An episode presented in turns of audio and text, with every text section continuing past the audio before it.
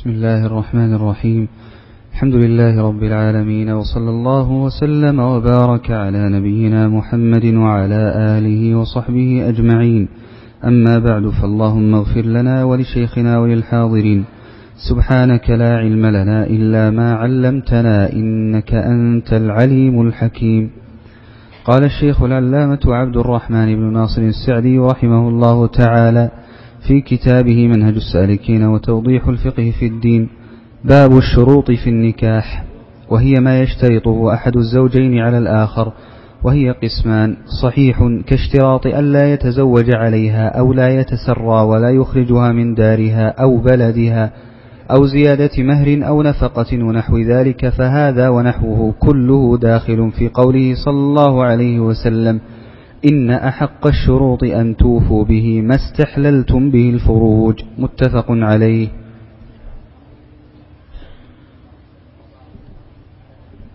على آله وصحبه أجمعين. ثم أما بعد فبدأ الشيخ رحمه الله تعالى بذكر الشروط في النكاح. وهذه الشروط هي التي تسمى بالشروط الجعلية أي يجعلها العاقدان في العقد وليست موجودة بنص الشارع فيها.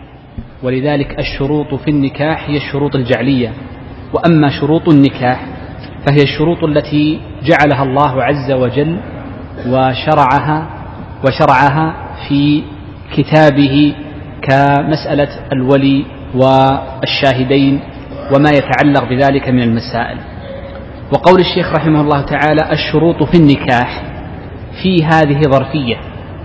أي عند عقد النكاح أي عند عقد النكاح.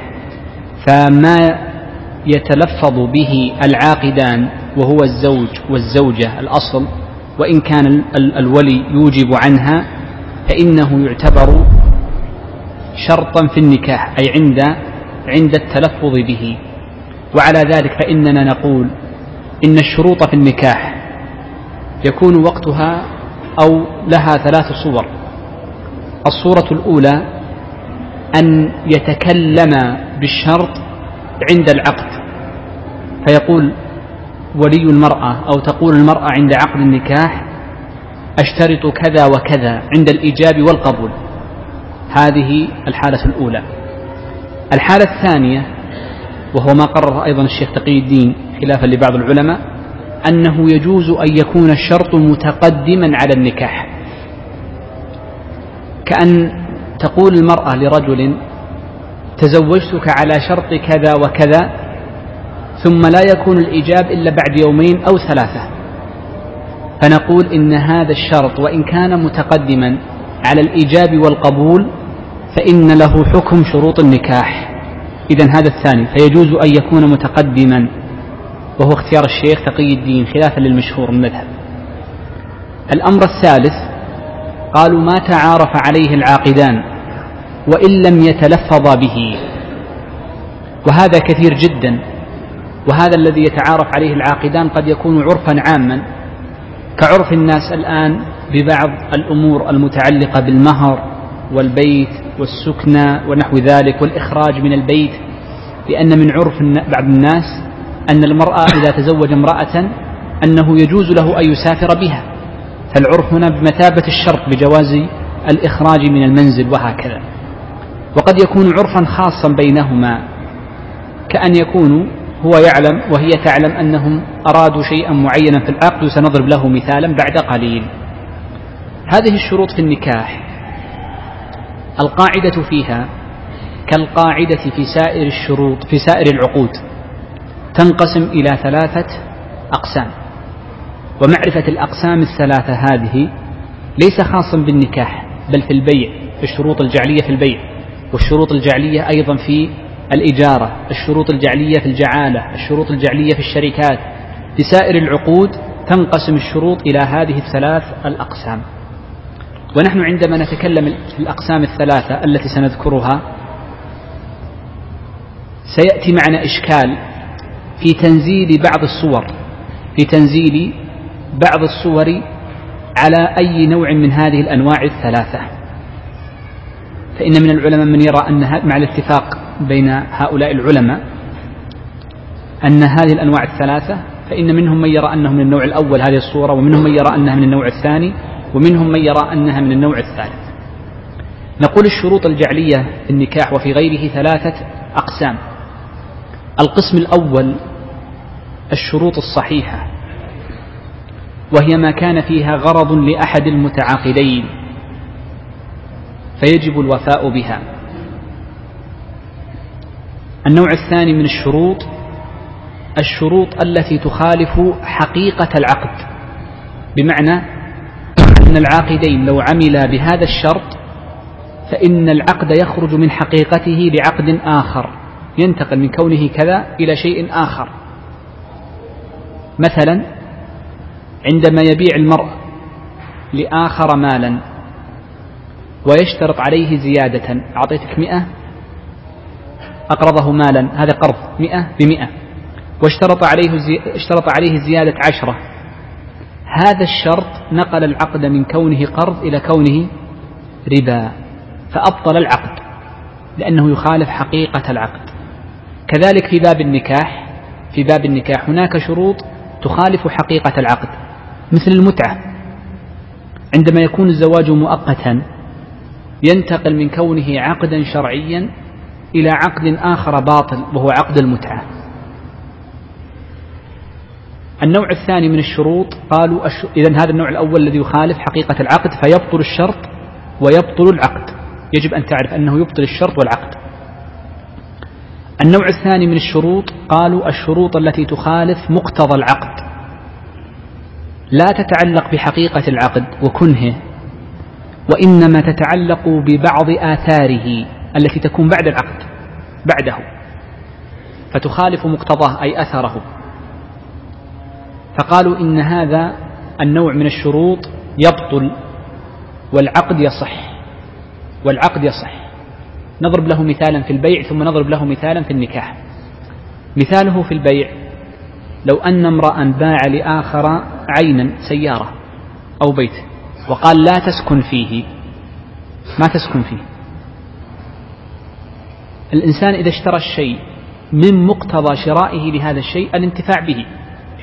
فعندما يشترط عليه صاحب البائع الأول ألا تنتفع به خالف مقتضى أثر العقد فبطل الشرط وصح العقد.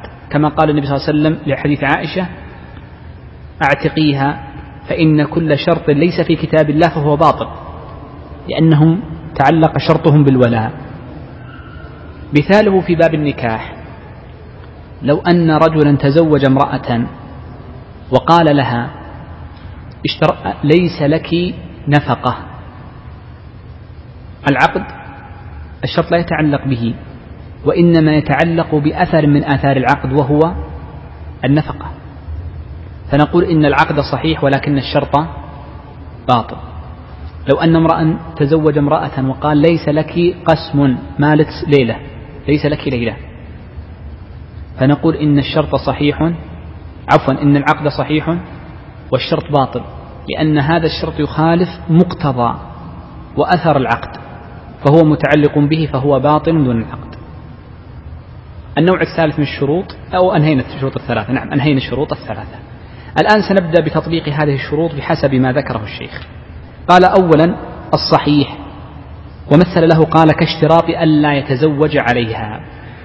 لو أن امرأة تزوجت أو تزوجها رجل واشترطت هذه المرأة ألا يتزوج عليها زوجها فنقول إن هذا الشرط صحيح. لأنه ليس متعلقا بالعقد لا بحقيقته ولا بأثره.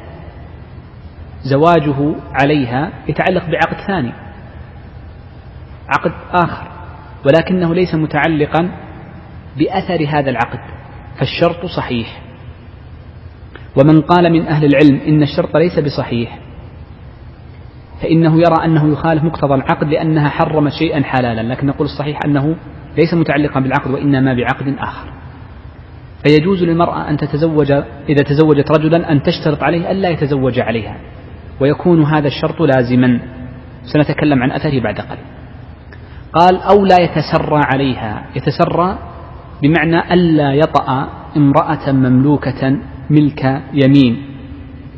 وسميت الموطوءة سرية لأنها تكون في السر ما يعلن نكاحها. بخلاف الحرة فإنه لا يتزوج بها المرء إلا علانية. أعلن النكاح.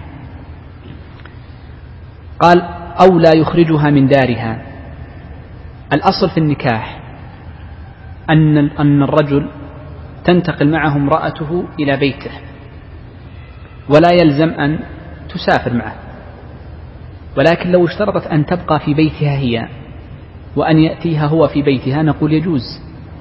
لأن أثر النكاح انتبه معي في العبارة لأن أثر النكاح هو التمكين. وأخطأ من قال إن أثر النكاح هو الاحتباس. فرق بين التمكين وبين الاحتباس. ما دام التمكين موجود فإن أثر النكاح صحيح. لكن لو قالت تزوجتك على ألا تطأ نقول الشرط باطل لأن التمكين غير موجود هنا. طيب. قال أو لا يخرجها من بلدها. هذا الشرط يؤيده قول الجمهور أنه لا يلزم المرأة أن تخرج من بلدها. قال أو اشترطت زيادة في مهر أو نفقة.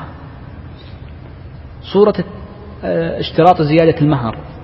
أن تشترط المرأة أن يكون المهر المسمى بينهم ثم تشترط مبلغا آخر يكون مؤخرا للصداق. فنقول إن هذا الشرط لازم شرط لازم. أو زيادة في النفقة. جرت العادة أن يكون المرأة مثلا نفقتها مبلغ خمسمائة مثلا. فقالت لا أريد نفقة ألف.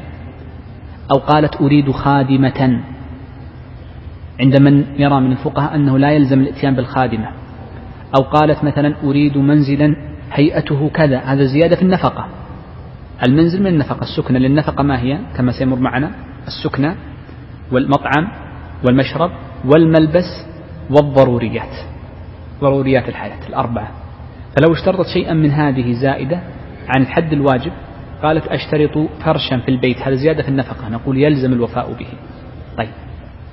ونحو ذلك فهذا كله داخل في قول النبي صلى الله عليه وسلم إن أحق الشروط أن توفوا به ما استحللتم به الفروج. إذا هذه هي الشروط الصحيحة. طيب. إذا أخل الزوج بواحد من هذه الشروط قالت المرأة أريد أن أسكن في بيت مستقل. لا أريد بيتا صغيرا مع أهلك وإن كان منفصلا. أو قالت أريد ألا تتزوج علي فتزوج عليها أو لم يخرجها في بيت مستقل. زائد عن الحد الواجب الشرعي النفقة الواجبة. فما الأثر لذلك؟ نقول يصبح للمرأة الخيار. إذا خالف الزوج في هذا الشرط الذي اشترطته وكان صحيحا يصبح للمرأة الخيار بين أن تفسخ وبين أن ترضى. تقول خلاص رضيت وأبقى على الزواج وأسقطت هذا الشرط. ولها الحق أن تقول أفسخ النكاح.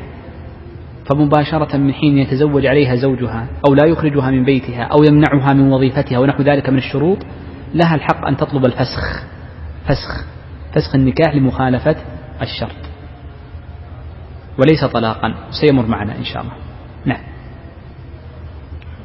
قال رحمه الله منها شروط فاسدة كنكاح المتعة والتحليل والشغار. ورخص, ورخص النبي صلى الله عليه وسلم في المتعة أولا ثم حرمها ولعن المحلل والمحلل له ونهى عن نكاح الشغار وهو أن يزوجه موليته, موليته على أن يزوجه الآخر موليته ولا مهر بينهما وكلها أحاديث صحيحة. نعم بدأ الشيخ رحمه الله تعالى بعد ذلك في ذكر الشروط الفاسدة. وذكر الأمثلة للنوع الأول من الشروط الفاسدة التي تفسد ويفسد العقد معها وهي التي تخالف حقيقة العقد. فقال أول هذه الشروط نكاح المتعة. نكاح المتعة ما هو؟ قالوا هو النكاح الذي أو, أو نقول إن نكاح المتعة له ثلاث صور. الصورة الأولى أن يتزوج الرجل المرأة وينص على أن هذا النكاح متعة. أن ينص عليه أنه متعة. فيقول تزوجتك متعة.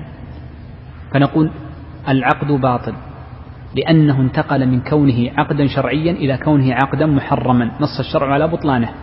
فإن النبي صلى الله عليه وسلم ثبت عنه بأحاديث كثيرة أنه نهى عن المتعة بعدما كانت حلالا. وروي عن علي رضي الله عنه من طريق خمسة أو ستة من أصحابه كلهم يروي عنه أن المتعة حرام. بعدما كانت حلالا.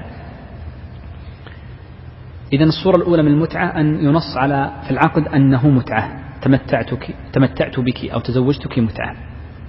النوع الثاني قالوا أن يتزوج بها زواجا مؤقتا.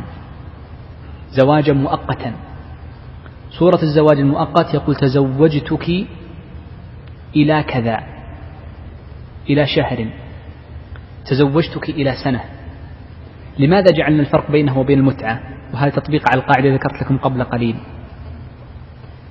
الجمهور يقولون إن الزواج المؤقت الذي يقول تزوجتك إلى كذا أن الزواج المؤقت متعة فيكون باطل. إلا زفر من الحنفية فإنه يقول إن الزواج المؤقت يبطل الشرط ويصح العقد. فرأى أن الزواج المؤقت تزوجتك إلى كذا من أي نوع؟ النوع الثالث الذي هو يخالف مقتضى العقد لأن تزوجتك تم العقد. إلى كذا هذا أمر زائد. ولكن قول جماهير أهل العلم وهو قول أبي حنيفة وصاحبي صاحبيه محمد بن الحسن وأبي يوسف وباقي الأئمة أن المؤقت حكمه حكم المتعة وهو الصحيح لا شك.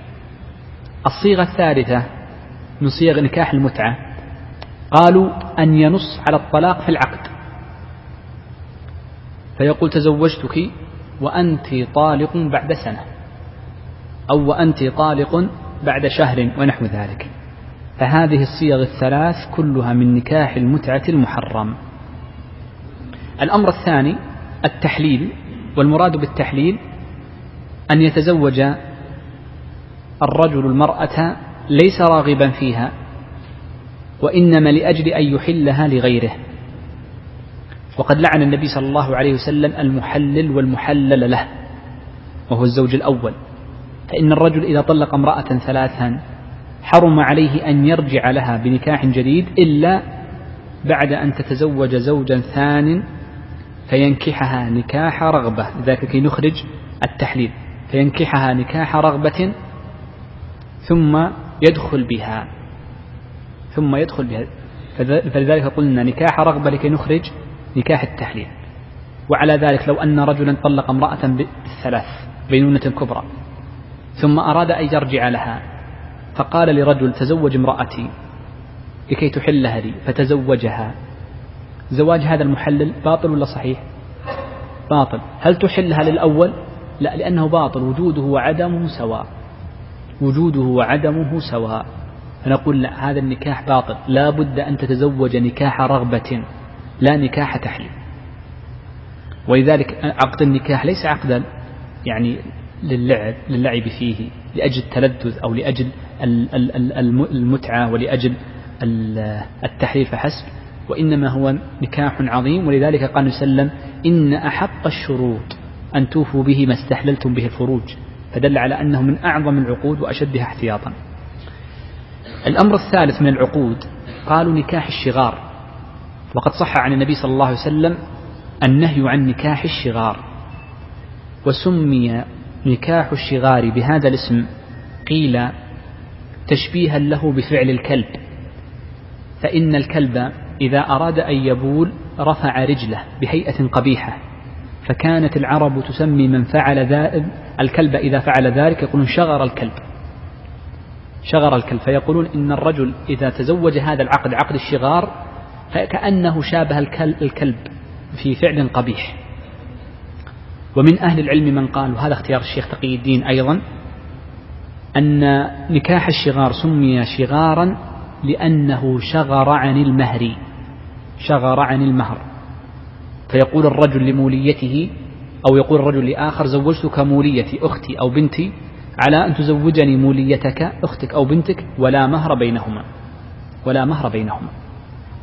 ولذلك يقول الشيخ وهو أن يزوجه موليته على أن يزوجه الآخر موليته ولا مهر بينهما. العلة على الصحيح واختيار الشيخ تقي الدين في النهي ما هي؟ ليس جعل البضع مهرا لا. لا يلزم أن يقول وجعلت بضعها مهرا أو هي مهر للثانية لا. وإنما العلة في النهي عن نكاح الشغار عدم وجود المهر نفي المهر. شوف نفي المهر ليس عدم التسمية وإنما نفي المهر نقول ما في مهر بيننا. وعلى ذلك قرر الشيخ تقي الدين أن الرجل إذا تزوج امرأة من غير شرط يعني من غير ما قال وأزوجك موليتي قال زوجني بنتك قال زوجتك بنتي بلا مهر. فيقول إن هذا العقد باطل. انتبه. إذا قال زوجتك بلا مهر فإن هذا العقد يكون باطلا عن رأي الشيخ تقي الدين. لأنه جعل شرطا يخالف حقيقة العقد. ما وجه سؤالي الآن؟ ما وجه أن قوله بلا مهر يخالف حقيقة العقد؟ كيف جت؟ سم فهد. لا لأن العقد الشرعي عقد النكاح من شرطه شرطه وجود المهر. إذا انتفى الشرط انتفى المشروط يعني معناه أن هذا العقد الذي نتزوج به بدون مهر ليس عقدا شرعيا. مثل لو قال زوجتك بلا ولي أو بلا شهود وإلى إعلان. إذا الزواج انتفى شرطه. فكأنه شرط شرطا نقل العقد من كونه عقدا شرعيا إلى كونه عقد نكاح آخر ليس شرعي الجمهور وهو المذهب وغيره يقولون لا إن قوله بس الفائدة من التطبيق إن نفي الشرط من الشروط التي تخالف مقتضى العقد. فيرون أن المهر أثر من آثار العقد وليس جزءا منه. فيقولون يصح العقد ويجب لها مهر المثل. وهذا قول جمهور أهل العلم والمذاهب الأربع جميعا. فيرون أن حكم حكم المفوضة سنتكلم عن المفوضة في محلها. واضح هذه الجزئية أو أعيدها؟ أظنها واضحة. طيب. إذا إذا هذا هو نكاح الشغار. نكاح الشغار متى يكون باطلا؟ إذا كان ما في مهر. طيب. لو زوج رجل أخته على أن يزوج والثاني زوجه أخته وسموا مهرا هل يصح العقد؟ نقول يصح بس بشرط أن يكون المهر حقيقيا لا صوريا ولا حيلة. بعض الناس يقول نحط مهر الريال. بس كذا. هذا صورة حيلة. لا يكون مهرا حقيقيا لأن المهر ليس ملكا. للولي أخو البنت أو أبوها وإنما للمرأة نفسها. إذا الشرط الأول أن يوجد مهر حقيقي. الشرط الثاني أن ترضى المرأة بالعقد أن ترضى. فإذا رضيت المرأة بالعقد جهز.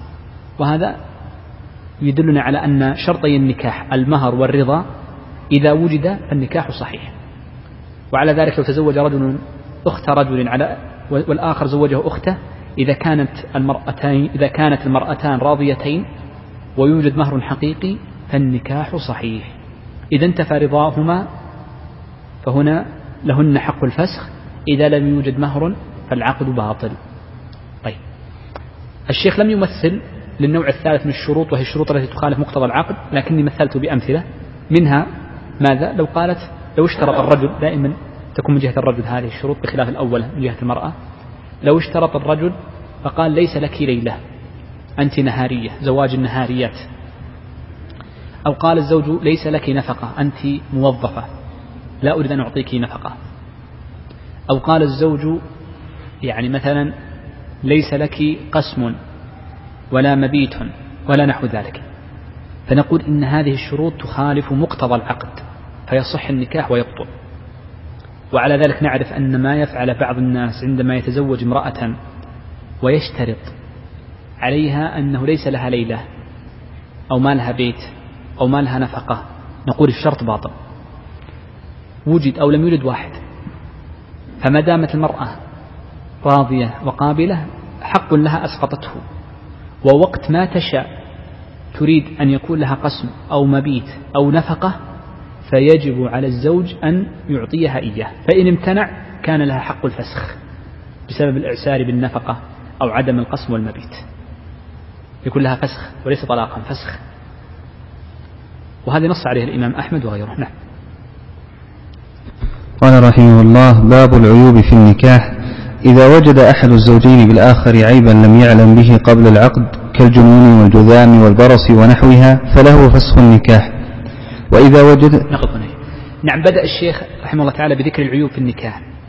ومعرفة العيوب في النكاح مهم جدا لأن عيوب النكاح مما يثبت الخيار لكل واحد من الزوجين.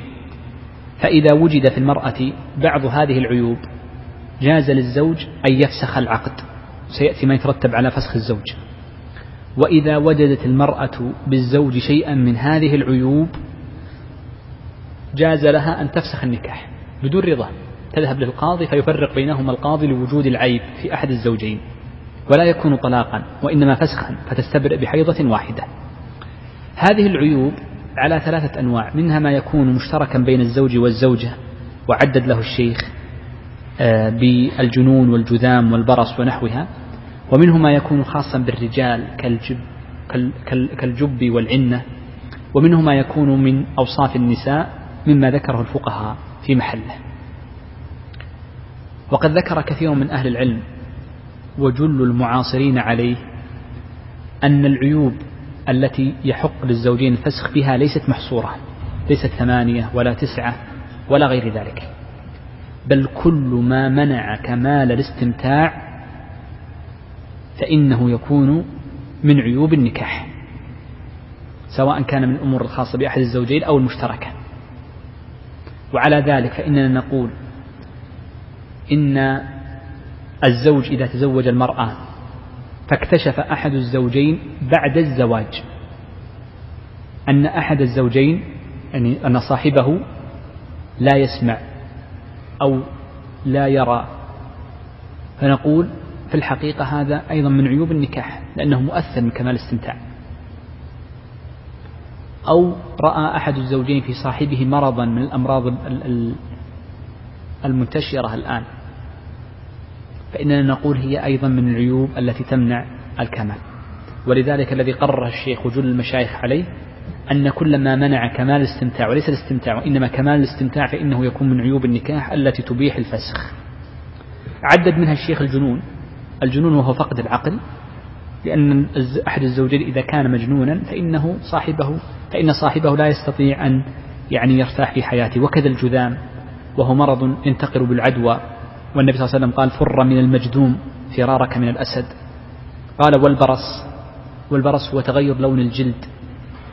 وبعض الناس يستكره البرص.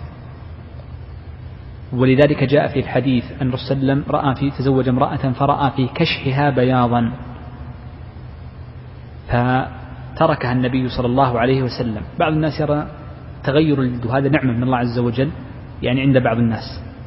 وهذا لا يضر لا يعني يعني آه، ليس عيبا في ذات الشخص وإنما بعض الناس يكره هذا الشيء يكرهه. فلذلك عد من عيوب النكاح. وفي مثله ما ذكرت لكم من العيوب التي عددتها قبل قليل. قال فله فسخ النكاح. متى له فسخ النكاح؟ إذا علم به. وأما إذا إذا علم بالعيب بعد النكاح. أما لو علم بالعيب قبل النكاح ورضي فليس له الفسخ. هذا واحد. وإذا علم به بعد النكاح وسكت فليس له الفسخ أيضا.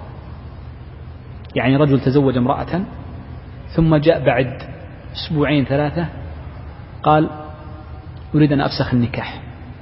لماذا؟ قال لأن فيها بداية برص. نقول أنت بعد أسبوعين عرفت تو تتكلم بعد أسبوعين لا. ليس فسخا وإنما يكون طلاقا بلا, بلا, بلا عوض. وضحت المسألة؟ طيب. إذا فسخ أحد الزوجين العقد فإن كانت المرأة هي التي فسخت سيمر معنا فإنه ترد المهر كاملا. عفوا إذا إذا كان إذا كان نعم المرأة العيب في الرجل إذا كان العيب في الرجل إذا كان العيب في الرجل وهي التي فسخت النكاح فإنه يعطيها المهر بما استحل من فرجها ولها إن كان قبل الدخول فلها نصف المهر لأن في حكم لا, لا, لا فلها المهر كاملا في كلا الحالتين. وأما إن كان العيب فيها هي فإنها ترد له المهر كاملا فإنها ترد له المهر كاملا وستأتي الآن تفصيلها بعد قليل. نعم. تفضل شيخ. قال رحمه الله كتاب الصداق. لا وإذا وجدته عنينا. وإذا وجدته عنينا أجل إلى سنة فإن مضت وهو على حاله فلها الفسخ. نعم. من عيوب النكاح أن يكون الزوج عنينا بمعنى أنه لا يستطيع أن يطأ زوجته. فإذا ادعت المرأة أن زوجها عنين لا يستطيع الوطء فإنه يؤجل سنة كاملة. لعله أن يفيء في هذه السنة ويمكنه ذلك. قالوا لتقلب الفصول فتمر عليه الفصول الأربعة الشتاء والصيف والربيع والخريف. فإذا مضت سنة كاملة ولم يستطع إتيان زوجته وهو على حاله يعني ليس مريضا عنده عارض من العوارض فلها حينئذ الفسخ. طيب هذا في عدم القدرة على الوضع. أما لو كان زوجها عقيما فإن العقم ليس سببا للفسخ ليس من عيوب النكاح العقم. فرق بين العنة وبين العقم. العقم لا تعلق له بالاستمتاع وإنما هو أمر يرزقه الله عز وجل من شاء ويمنعه من شاء. فالعقم ليس عيبا في النكاح إنما العيب العنة وهو عدم القدرة على الوضع. نعم. قال رحمه الله وإن عتقت كلها وزوجها رقيق خيرت بين المقام معه وفراقه لحديث عائشة الطويل في قصة بريرة خيرت بريرة على زوجها حين عتقت. متفق عليه. نعم. هذه تتعلق في في قضية متى يثبت الخيار للزوجة؟ يثبت الخيار للزوجة إذا وجد أحد العيوب في النكاح. هذا واحد. تكلمنا عنه قبل قليل وإذا تخلف شرط اشترطته هي. إذا اشترطت المرأة على زوجها شرطا فلم يوفي به ثبت لها الخيار أيضا. والحالة الثالثة هذه إذا كانت المرأة أمة وتزوجت عبدا ثم أعتقت هي وهو ما زال عبدا. فلها الخيار في فسخ النكاح للاختلاف بينهما حرية ورقاء لأن من الكفاءة كفاءة الحرية وقلنا إنه يثبت الخيار للزوجة عند وجوده. فيجوز للزوجة إذا كانت حرة وهي أمة وهو عبد عفوا فأن تختار إما أن يبقى أو لا لقصة بريرة رضي الله عنها. نعم وهذا واضح. قال رحمه الله وإذا وقع الفسخ قبل الدخول فلا مهر. نعم. و... يقول الشيخ وإذا وقع الفسخ قبل الدخول فلا مهر. إذا إذا كان الفسخ الفسخ وليس الطلاق قبل الدخول للزوجة فإنه لا يثبت لها نصف المهر مطلقا. إنما يثبت نصف المهر للزوجة إذا كان بطلاق فقط. إذا كان بطلاق فقط. وأما الفسخ فإنهم يتفاسخان. يعني معنى أن العقد وجد أو لم يوجد واحد. فلو أن رجلا تزوج امرأة واشترطت عليه شرط مثلا قالت شرطي أن تطلق امرأتك. فجلس بعد العقد يومين أو ثلاثة ولم يطلق امرأته الأولى. فلها الفسخ.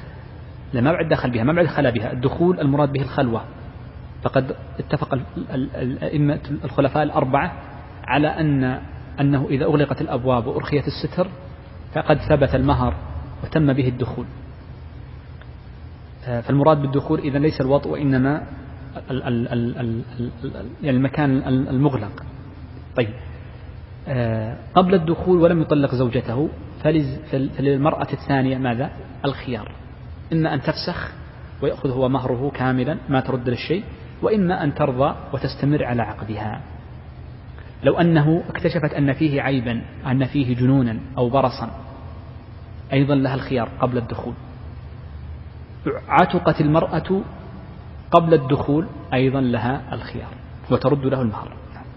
قال رحمه الله وبعده يستقر ويرجع الزوج على من غره. نعم الفسخ بعد بعد الدخول بعد الدخول يستقر لها كاملا لا ترد منه شيئا أبدا لأنه في مقابل وطئه إياها ولذلك يقول بما فلها المهر بما استحل من فرجها هذه عبارة الفقهاء. فهو مقابل ما يعني آه، كان بينهما. فإن كان الفسخ بسبب بسبب المرأة هي بسبب المرأة هي بمعنى أنه كان فيها عيب. ثم الزوج اكتشفه بعد الزواج بعد الدخول بها فلها المهر كاملا ويرجع الزوج على من غره أبوها الخاطبة. غريبته أحيانا علمت بالعيب وسكتت. فترجع عليها فتدفع, فتدفع الغارة أو الغار المهر للزوج سنذكرها بعد قليل في الصدق. نعم. كتاب الصداق. ينبغي تخفيفه. وسئلت عائشة كم كان صداق النبي صلى الله عليه وسلم؟ قالت كان صداقه لأزواجه ثنتي عشرة أوقية ونشا. أتدري ما النش؟ قلت لا. قالت نصف أوقية فتلك خمسمائة درهم, خمسمائة درهم رواه مسلم. وأعتق صفية وجعل عتقها صداقها متفق عليه. وقال لرجل التمس ولو خاتما من حديد متفق عليه. فكل ما صح ثمنا وأجرة وإن قل صح صداقا. نعم. آه، بدأ الشيخ رحمه الله تعالى بذكر كتاب الصداق. والصداق شرط في عقد النكاح. ومن أهل العلم من يرى أنه ليس شرطا وإنما هو أثر من آثار عقد النكاح كالنفقة والقسم والمبيت وغير ذلك. والأقرب أنه شرط من شروطه. لأن الفرق بين نكاح النكاح وبين السفاح المهر. ولذلك يعني من النكت التي تذكر وهذا قول باطل الحقيقة أن بعض المالك الحنفية أن بعض الحنفية يقولون إن الرجل إذا زنى بامرأة على عوض فإنه لا يقام عليه الحد. لماذا؟ قالوا لأن العوض يشبه المهر. وهم لا يشترطون الولي فيدرأ الحد به وهذا قول باطل لم يقل به كل الحنفية وإنما بعضهم الذين لم يفهموا الأمر على حقيقته. فالصحيح أن الصداقة شرط في من شروط العقد. يقول الشيخ ينبغي تخفيفه فالسنة تخفيفه وعدم المغالاة فيه. وقد كان صداق النبي صلى الله عليه وسلم ثنت عشرة أوقية تعادل خمسمائة درهم. وخمسمائة درهم لنقل إنها تقريبا يعني ألف وبعض الشيء جرام فضة يعني لا تتجاوز بسعر اليوم لنقل يعني ثلاثة ألاف ريال. لا نقول ثلاثة ألاف ريال أربعة ألاف ريال بسعر الفضة الآن تقريبا. فيعني كان مهر النبي صلى الله عليه وسلم لأزواجه ولبناته كان ميسرا. وقد جاء في بعض الأحاديث عند النسائي وأهل السنن أن النبي صلى الله عليه وسلم قال خيركن أيسركن مؤنة فكلما كانت المؤنة في الزواج سواء في المهر وفي غيره أيسر كلما كانت علامة بركة المرأة ويمنها على زوجها وخاصة ما زاد عن المهر مثل الوليمة وغيره. فإن الأصل أن المهر حق للمرأة فلذلك تأخذ مهر مثلها. وأما ما زاد فإنما هو للناس وللحضور فكلما قل فهو أفضل. وبعض الناس يقصد المغالاة في المهر وما يتبع المهر من الحفل ومن آه، الذهاب والعودة ونحو ذلك ولا شك أن في هذا إضرار بالزوجين معا ومخالفة لسنة النبي صلى الله عليه وآله وسلم. قال وأعتق النبي صلى الله عليه وسلم صفية وجعل عتقها صداقها. هذا يدل على أن المهر يجوز أن يكون منفعة وهو العتق. فإن العتق منفعة أعتقها. وكذلك قال لرجل التمس ولو خاتما من حديد أي حلقة من حديد وليس المقصود الخاتم الذي يلبس لأن النبي صلى الله عليه وآله وسلم نهى عن لبس الخاتم من الحديد وقال إنه حلية أهل النار. فقصده بالخاتم أي الحلقة الحلقة من الحديد تجعل في السلسلة وفي غيرها. فدل ذلك على أن كل مال يمكن أن ينصف جاز أن يكون مهرا وقالوا يمكن أن ينصف لأنه في أشياء لا يمكن أن تنصف. قالوا مثل حبة شعير وحبة رز. حبة رز ما يمكن تقسمها بالنصف. وعبرنا بالتنصيف لأنه لو طلق قبل الدخول فإنما يجب لها نصف مسمى. نعم. قال فكل ما صح ثمنا وأجرة وإن قل صح صداقا. فيصح أن يكون نقد مال. ويصح أن يكون دين دين يعني في الذمة. ويصح أن يكون عينا عين. مثل إيش العين؟ مثل يعطيها سيارة وبيت ونحو ذلك ويصح أن يكون منفعة. مثل موسى عليه السلام فإنه لما تزوج بنت الرجل الصالح أخدمهم آه، موسى عليه السلام نفسه ثمانية حجج. فهو خدمة خدمة يخدمها فتكون منفعة كالخدمة. ونحو ذلك مما يمكن أن يعوض. نعم. قال فإن تزوجها ولم يسم لها صداقا فلها مهر المثل. نعم هذه مسألة مهمة وهي ما تسمى بالمفوضة أو المفوضة اسم فاعل واسم مفعول تصح الوجهان والمفوضة أو المفوضة هي التي تزوج ويسكت عن مهرها. يقول الأب أو ولي المرأة زوجتك ابنتي والثاني يقول قبلت. ما نفوا المهر وما ذكروه. لم ينفوا ولم يذكروه. فالمرأة المفوضة أو المفوضة يصح نكاحها ولكن لها مهر مثلها فلها ولها مهر مثلها. طيب إن نفوا المهر إن نفوا المهر هذه المسألة ذكرناها قبل قليل وقلنا إن المذهب إن نفي المهر لو قال زوجتك بلا مهر أو قالت المرأة لا أريد مهرا فنقول بلا مهر ينفون في العقد فالمذهب أنه حكم حكم مفوضة فلها مهر المثل واختيار الشيخ تقي الدين وهو الأقرب أن النكاح غير صحيح تعيده بمهر مثلها. نعم. فإن طلقها قبل الدخول فلها المتعة على الموسع قدره وعلى المقتر قدره لقوله تعالى لا جناح عليكم إن طلقتم النساء ما لم تمسوهن أو تفرضوا لهن فريضة ومتعوهن على الموسع قدره وعلى المقتر قدره متاعا بالمعروف حقا على المحسنين. نعم. آه المتعة نبدأ أول شيء في معنى المتعة ثم بعد ذلك ننتقل لمتى تجب. المتعة المراد بها مبلغ يبذله الزوج لزوجته بعد طلاقها وليس مشروطا. ليس مشروط. ما يقال عند الطلاق تبذل كذا فإنه لو قال عند الطلاق تبذل كذا يعتبر من المهر من المهر المؤخر. ولكن غير مشروط. إذا طلق المرء زوجته فيعطيها ما تيسر له من منه. ألف ألفين سيارة بيت كل على قدره كل على قدره. فإن كان موسعا وسع عليها وإن كان مقترا أي فقيرا بحسب حاجته. ولذلك جاء أن الحسن بن علي رضي الله عنه وعن أبيه طلق امرأة فمتعها عشرة آلاف درهم. يعني مبلغ في ذلك الزمان ضخم جدا. فقالت المرأة متاع قليل من حبيب مفارق. فالإنسان إذا أراد أن يدخل الزواج في الغالب يأتي متجمل فيبذل المهر ويبذل ويذكر الصفات الجميلة والحسنة. فيقول الشرع إنك إذا أردت الخروج من هذا العقد من هذه مع هذه الزوجة التي جلست معها فيستحب لك أن تخرج متجملا أيضا فتعطيها ما يسر الله عز وجل. وكثير من الناس لما خالف هذا الهدي النبوي أصبحت الأسر بعد الطلاق كل يسب الثاني. ولو أعطى المرء زوجته التي طلقها ولو عن عداوة وعن خصومة بينهما مبلغا معينا لذهبت كثير من العداوات. إذا الأمر الأول المتعة ليست مشروطة في العقد. الأمر الثاني أن المتعة غير مقدرة غير مقدرة فقد تكون قليلة أو كثيرة بحسب قدرة الشخص المالية. الأمر الثالث أن المتعة سنة وليست بواجبة. هذا الفرق بين المتعة وبين المهر.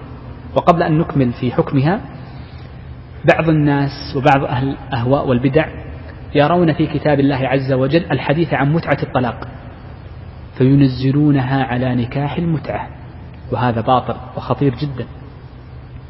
المراد بالمتعة في كتاب الله التي نزلت إنما هي متعة الطلاق التي تبذل بعد الطلاق؟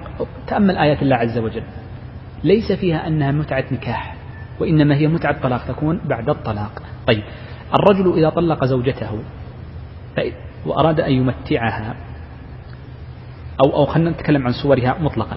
إذا طلق الرجل امرأته فله حالتان.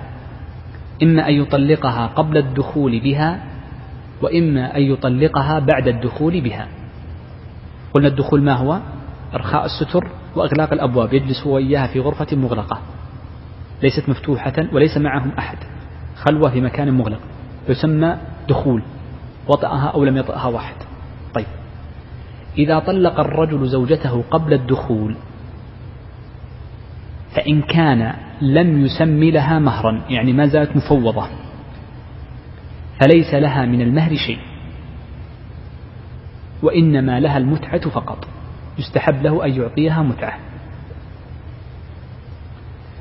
وإن كان قد طلقها الحالة الثانية وإن كان قد طلقها قبل الدخول أيضا ولكن قد سمى لها مهرا. تزوجتك على أربعين ألف خمسين ألف وطلقها قبل الدخول فلها نصف المهر. فنصف ما فرضتم إلا أن يعفون أو يعفو الذي بيده عقدة النكاح. أعيد. إذا طلق الرجل زوجته قبل الدخول فلها حالتان.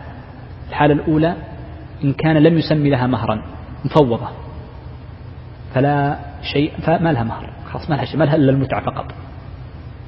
وإن كان قد سمي لها مهر يحدد مبلغه فلها نصف المهر ويستحب لها المتعة أيضا. ويستحب لها المتعة أيضا. وضحت الصورتان. إذا هنا التي يقصدها الشيخ في قوله وإن طلقها قبل الدخول فلها المتعة أي ليس لها من المهر شيء متى؟ إذا لم يسمي. يجب أن تزيد هنا إذا لم يسمي. لم يسمي المهر أو كانت مفوضة.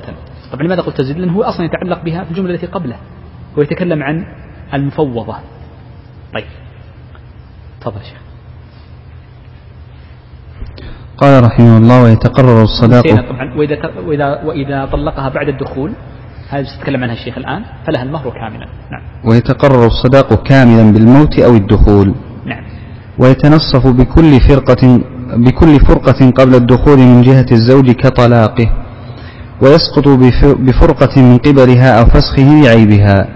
وينبغي لمن طلق زوجته أن يمتعها بشيء يحصل به جبر خاطرها لقوله تعالى وللمطلقات متاع بالمعروف حقا على المتقين. نعم. إذا طلقها المرء من الصورة الثانية إذا طلقها الزوج طلق الزوج امرأته بعد الدخول فلها المهر كاملا. سواء كان معجلا أو كان مؤجلا أو بعضه معجل ومؤجل. وكذا لو مات سواء قبل الدخول أو بعد الدخول فلها المهر كاملا فلها المهر كاملا. طبعا آه، مسألة التأجيل تأجيل المهر. بعض الناس بعض النساء مثلا تقول تزو تشترط في, في, في زواجها أن يكون مهرها أربعون وستون مؤجلة. المؤجل متى يحل؟ في حالتين. إما عند الطلاق أو عند الوفاة. كم قلنا المعجل؟ أربعين والمؤجل ستين. طيب انظر طبق المسألة قبل قليل بسرعة عشان الوقت. لو أن هذا الرجل صاحبنا وضع لها أربعين وستين وطلقها قبل الدخول كم لها؟ قبل الدخول بها. ما لها شيء. ليش؟ مسمى ولا مو مسمى؟ مسمى. مسمى. ليش؟ إحنا قلنا غير المسمى هي اللي ما لها شيء. زوجتك وسكت مفوضة هي اللي ما لها شيء. لكن هذا مسمى. كم لها؟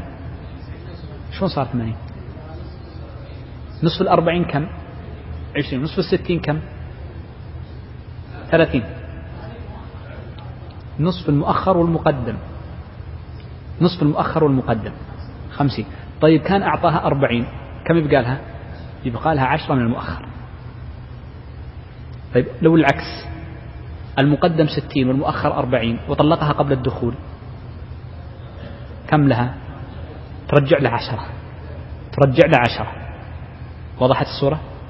طيب لها معجل فقط أربعون وطلقها قبل الدخول. ترجع له عشرين. ترجع له عشرين. طيب طلقها بعد الدخول. المية كلها. طيب مات قبل الدخول. انتبه. يا شيخ تأكد؟ نعم. إذا مات قبل الدخول فنقول زوجته هذه التي التي عقد عليها قبل أن يقسم الميراث نأخذ من من تركته ستين ونعطيها إياه لأنه دين. ثم بعد ذلك تأخذ الثمن لأنها زوجته. واضح المسألة. يعني أظنها واضحة جدا. طيب. هنا يأتي مسألة متى يتنصف ال ال ال المهر متى يتنصف؟ قال يتنصف بكل فرقة قبل الدخول من جهة الزوج كالطلاق كالطلاق. ويسقط بفرقة من قبلها يعني يسقط المهر يعني يجب أن ترد له المهر كاملا إذا كان الفرقة بينهما من قبلها. مثل مثل الخلع حتى بعد بعد الدخول مثل الخلع. مثل الخلع فهنا الفرقة من قبلها هي. ف آه، يسقط المهر فترد له المهر. لحديث خولة النبي صلى الله عليه وسلم قال لها أتردين عليه حديقة؟ قالت نعم. لو كان العيب فيها هي وتزوجها الرجل فوجد فيها عيبا. فأراد أن يفسخ النكاح وليس طلاقا. طلاقا مجانا لكن فسخ النكاح. نقول ترد له النصف لأنه بعد الدخول. ترد له النصف لأنه بعد الدخول. لا عفوا ترد له المبلغ كاملا لأنه بعد الدخول أو قبله لا فرق. فإن كان الذي غره غيرها رجع على من؟ هذه قلنا قبل قليل. يرجع على من غره. هي ما درت مسكينة. تظن أنه يعلم ولكن غره أبوها غره أخوها غرها الخاطبة فيأخذ المبلغ كاملا من الخاطب أو الخاطبة. نعم. ثم ختم الشيخ في الحديث عن المتعة وتكلمنا عنها في أول الباب. بذلك نكون أنهينا كتاب الصدق كاملا بحمد الله عز وجل. الأسبوع القادم يقول الإخوان لا درس. الأسبوع الذي بعده بمشيئة الله عز وجل نبدأ في باب عشرة النساء. أسأل الله عز وجل جميع التوفيق والسداد. صلى الله وسلم على نبينا محمد.